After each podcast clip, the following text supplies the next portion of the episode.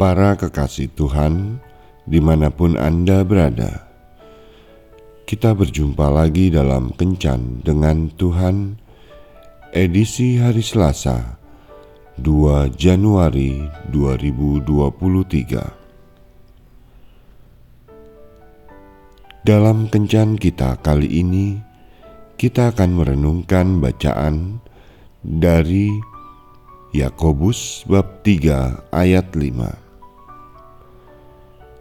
Demikian juga lidah, walaupun suatu anggota kecil dari tubuh, namun dapat memegahkan perkara-perkara yang besar.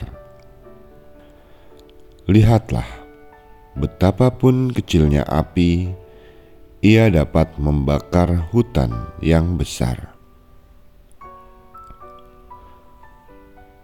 Sahabat kencan dengan Tuhan yang terkasih, Siapakah di antara kita yang tidak pernah tersakiti oleh perkataan seseorang? Demikian pula sebaliknya, siapakah di antara kita yang tidak pernah menyakiti hati seseorang dengan perkataan kita?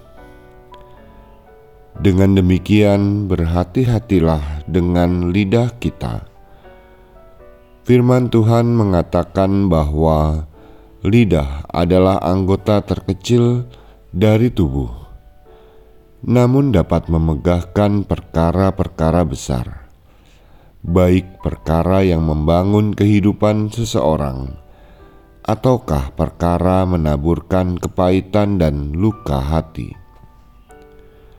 Dengan demikian, jadilah bijak dalam berkata-kata Jauhilah perkataan-perkataan yang tajam di dalam perkataan kita, dan belajarlah untuk berkomunikasi dengan baik dan benar, sehingga kita tidak perlu mempergunakan perkataan-perkataan yang tajam dan menusuk hati untuk melampiaskan kemarahan ataupun kekesalan hati kita.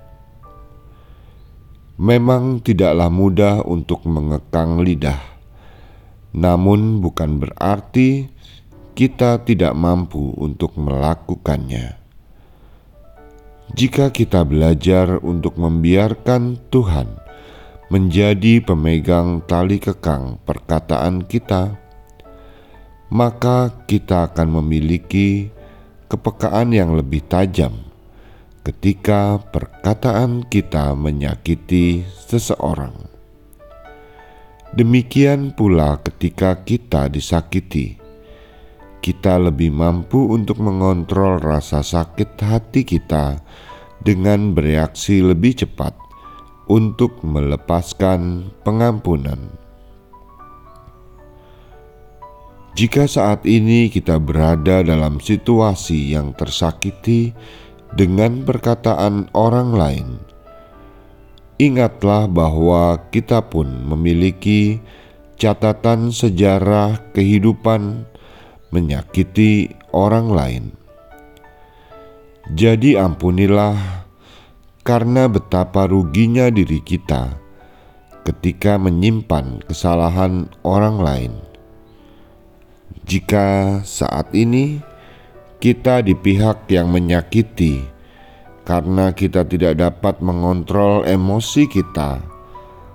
Perhatikanlah dan belajarlah dari tugas seorang customer service, di mana mereka dituntut oleh perusahaan untuk tetap memakai kata-kata yang baik dan sopan Sekalipun mereka diperhadapkan pada customer yang menyebalkan dan marah-marah kepadanya, mereka bisa melakukannya karena sudah terlatih.